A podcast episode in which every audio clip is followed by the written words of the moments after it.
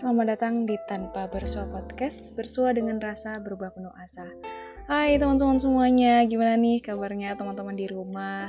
Kabar keluarga juga gimana nih? Semoga kita semua selalu dalam keadaan sehat ya, amin. Dan jangan lupa untuk selalu tetap jaga imun dan selalu bahagia. Karena katanya, kalau bahagia itu imun akan jadi kuat. Nah, salah satu cara buat ningkatin imun, ya dengerin podcast terbaru kita hari ini. Dan sebelum bahas topik kita hari ini, aku mau ngucapin terima kasih buat teman-teman karena udah mau mampir dan selalu ikutin tanpa bersua podcast. Oke deh, balik lagi sama aku, Ananda Eski Fatmawati, yang bakalan nemenin teman-teman dalam beberapa menit ke depan. Sekaligus informasi, buat teman-teman kalau yang kalian dengerin ini adalah Tanpa Bersua Podcast Himaja episode ke-11. Dan buat kalian yang baru dengerin tanpa bersua podcast, jangan lupa dengerin dari episode pertama sampai 11 ya. Karena pembahasannya seru dan sangat bermanfaat. Nah, hari ini kita bakal bahas pilih cinta atau agama. Kalian ada gak sih pernah yang ngalamin cinta beda agama? Atau kalian punya teman yang terlibat dalam cinta beda agama? Kalau iya, menurut kalian setuju gak sih cinta beda agama itu tetap dilanjutin? Buat kalian, apa sih cinta beda agama itu? Coba komen di bawah ya, nanti aku baca dan aku bakal balas juga. Oke, langsung aja. Menurut aku, cinta beda agama tuh kayak bawang merah ya. Bikin nangis bombay gitu. Ya gimana nggak lebay, abisnya kalau LDR itu kan biasanya cuman beda kota atau beda negara. Ya it's okay lah, kan masih ada sosial media, kita bisa teleponan, bisa video call, tapi kalau LDR-nya itu beda keyakinan, beda rumah ibadah itu gimana ya?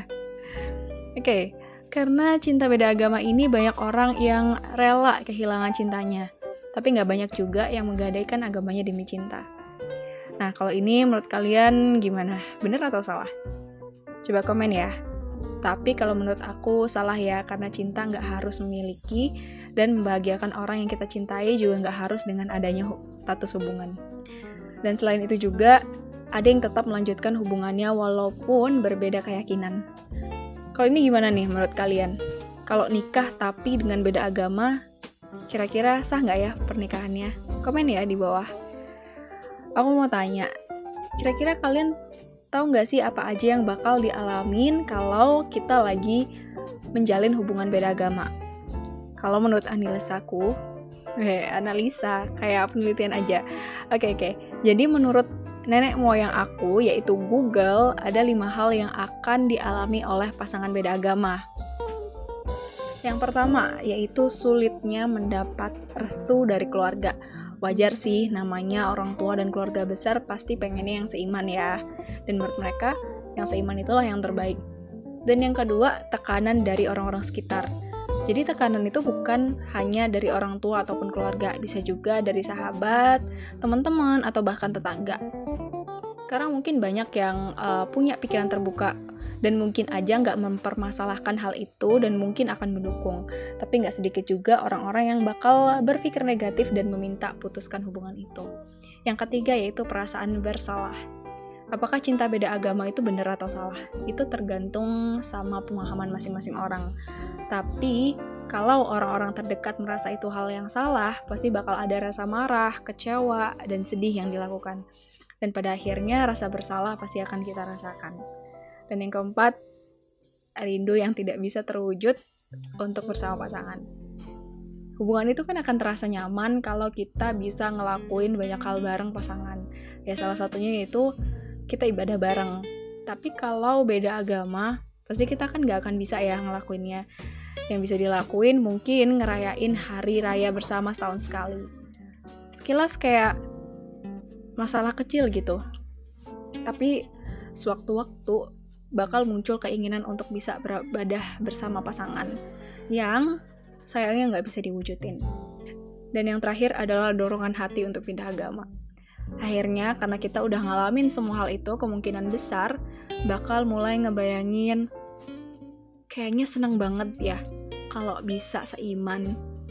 Dan mungkin akan ada dorongan hati untuk pindah agama.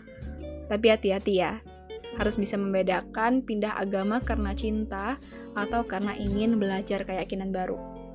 Kalau milih pindah agama karena pengen belajar keyakinan yang baru, menurut aku itu bagus. Tapi yang perlu diingat, pindah agama hanya demi menyenangkan pasangan itu nggak akan bermanfaat. Jadi perlu dipikirin ya risikonya. Oke, jadi itu tadi 5 hal yang bakal dihadapin buat pasangan yang lagi ngejalin cinta beda agama. Kira-kira kalian mau ngerasain 5 hal itu nggak sih? Coba komen ya. Kalau aku pribadi sih nggak mau. Aku lebih memilih untuk yang seiman. Kalau kata orang, cinta itu nggak kenal siapa orangnya. Tapi walaupun cinta itu hadir dengan sendirinya, yang perlu ditanamkan dalam hati, jangan sampai aku menggadaikan agamaku karena mengejar cinta. Tapi kejarlah agamamu karena akan datang cinta yang sempurna untukmu. Kita lanjut ya, apa sih yang harus dilakuin pasangan beda agama kalau milih untuk berkomitmen? Menurut kalian apa aja? Coba komen ya.